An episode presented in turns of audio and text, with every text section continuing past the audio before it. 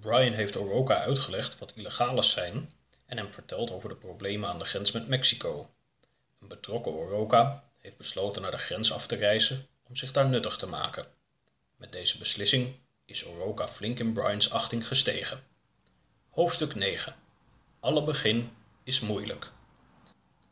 Na Brian's vertrek werd Oroka hartelijk opgenomen in de Kemp-familie. Hij kreeg een eigen slaapkamer en een vaste plek aan de lange eettafel. Lucy leerde hem basketballen, terwijl Jared en Porter hem wegwijs probeerden te maken in de wereld van smartphones en tablets. Op een ochtend nam Jake Oroka mee naar de velden achter het huis, waar hij op een houten hek een rij blikjes en flesjes had neergezet. Eerst mocht Oroka alleen maar kijken en vragen stellen, terwijl Jake uit een zwarte hoes een jachtgeweer tevoorschijn haalde en hij de blikjes en flesjes van het hek begon te schieten. Het woord veiligheid viel geregeld en er werden heldere afspraken gemaakt. Voordat hij zelf mocht schieten, moest Oroka goed begrijpen dat schieten iets gevaarlijks was. Uiteindelijk gaf Jake hem het geweer.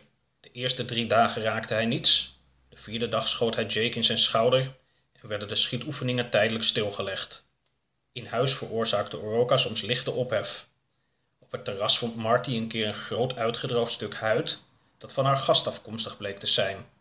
Oroka wierp af en toe, als een soort slang, zijn oude huid af. In de badkamer vond Porter op een ochtend rond het doucheputje een aantal tanden die eveneens van hem afkomstig waren. Zijn tanden maakten eens in de zoveel tijd plaats voor nieuwe exemplaren. Verbaasde gezichten waren er ook geweest toen hij op een ochtend wakker was geworden onder een half dekbed en duidelijk werd dat hij de andere helft in zijn slaap had opgegeten. De avond dat Lucy in een door Oroka gemaakte salade een in verregaande staat van ontbinding verkerend konijnenlijk ontdekte, werd er aan tafel hard gegild. Op Oroka's vraag hoe Marty wilde dat hij de salade klaarmaakte, had de vrouw des huizes geantwoord met de woorden: Maak er maar wat moois van. De gedachte dat Oroka vervolgens verder zou kijken dan de groentela en de voorraadkasten was geen moment in haar opgekomen, ook al had ze hem enthousiast met een emmer in de tuin zien scharrelen. Nadat Jake voldoende hersteld was, werden de schietoefeningen hervat. Van boosheid of angst als gevolg van het schouderincident was hierbij geen sprake. Integendeel, Jake werd een stuk behulpzamer en enthousiaster dan Oroka hem eerder had meegemaakt en leek de misverstanden die ze nu en dan hadden voor lief te nemen. Met name de aandacht die Porter aan zijn schouder had besteed, leek hem veel goed gedaan te hebben. Een kogel die vlak langs zijn been suiste beantwoordde hij hoofdschuddend, maar niet zonder een kleine glimlach.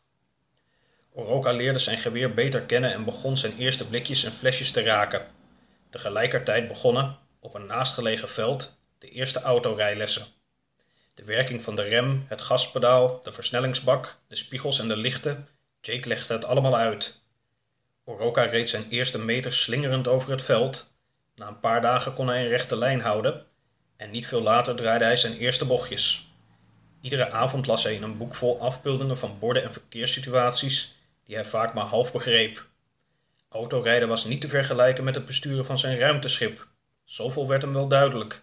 Met ESMC-kwadraat kon hij hele gesprekken voeren. Het rode wagentje met de laadbak sprak geen woord. Wanneer het geluid begon te maken, was dat vaak een slecht teken. Volgens Jake ben je klaar om verder te reizen, zei Brian, die weer eens over was gekomen uit Atlanta op een avond. Hoe denk je er zelf over? Natuurlijk ben ik klaar om verder te reizen. Ik ben daar altijd klaar voor geweest. Ik kan nu auto rijden en een beetje schieten, maar ook zonder auto en geweer ben ik er klaar voor. Ik kan goed lopen hoor. Ik word niet snel moe. Heuvels en rivieren houden mij niet tegen. Als ik struikel sta ik gewoon weer op. Heb je enig idee hoe ver het is naar de grens? Geen idee. Brian sloeg een atlas open. Kijk, je bent nu hier, in Georgia. Maar om de grens te bereiken zal je minimaal naar Texas moeten. En misschien zelfs nog verder, naar Arizona. Dat betekent dat je door heel wat staten zult moeten rijden. Je hebt duizenden kilometers af te leggen. Als je dat wil gaan lopen ben je maanden bezig. Minimaal.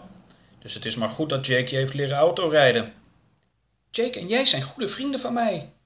Eh, ja. Brian pakte er een aantal wegenkaarten bij en liet zien welke wegen Oroka kon nemen om in Alabama te komen. Je hebt navigatie in je auto, maar neem deze kaart ook maar mee. Ook gaf Brian het adres van ene Harold, een vriend die in Arizona woonde. Twee dagen later was het zover. Het rode wagentje werd volgeladen met eten, drinken, het broodnodige gereedschap en natuurlijk het geweer waarmee Oroka had leren schieten. Brian overhandigde hem een creditcard en een rijbewijs. Jared gaf hem een smartphone, Van Marty, Lucy en Porter kreeg hij een dikke kus en van Jake een stevige hand. Oroka ging achter het stuur zitten. Wubbel kwam aangehold en nam plaats op de bijrijdersplek. Ik voel me net een prop papier die hier naar binnen komt waaien, zei de eend, die zijn tijd had doorgebracht tussen de kippen en in de velden en watertjes in de wijdere omgeving. Maar zo makkelijk kom je toch niet van me af. Oroka toeterde, zwaaide en reed weg. Na nog geen honderd meter maakte zijn smartphone een geluidje. Hij pakte de telefoon op en wilde op het scherm kijken toen hij Wubbel in paniek naast zich hoorde roepen dat hij moest uitkijken. Wat volgde was een dreun en een uitzicht op een brede boomstam. Jake en de familie Kemp kwamen aangehold. Oroka keek op het scherm van zijn telefoon en las het berichtje dat Lucy hem had gestuurd. Daar ga je dan! De schade bleek mee te vallen. Twee dagen later reed Oroka wederom weg met een toeter en een zwaai. Ditmaal zat ook Wubbel, die flink wat veren was verloren, in de gordels. Geen berichtjes, meiden, fluisterde Brian al zwaaiend. Geen berichtjes. Denk je dat hij het gaat halen? Brian keek naar zijn vrouw en knikte. Hij gaat het halen. Ik geloof dat God aan zijn zijde staat. Dat geloof ik ook, sir, zei Jake, terwijl Porter tegen zijn schouder leunde.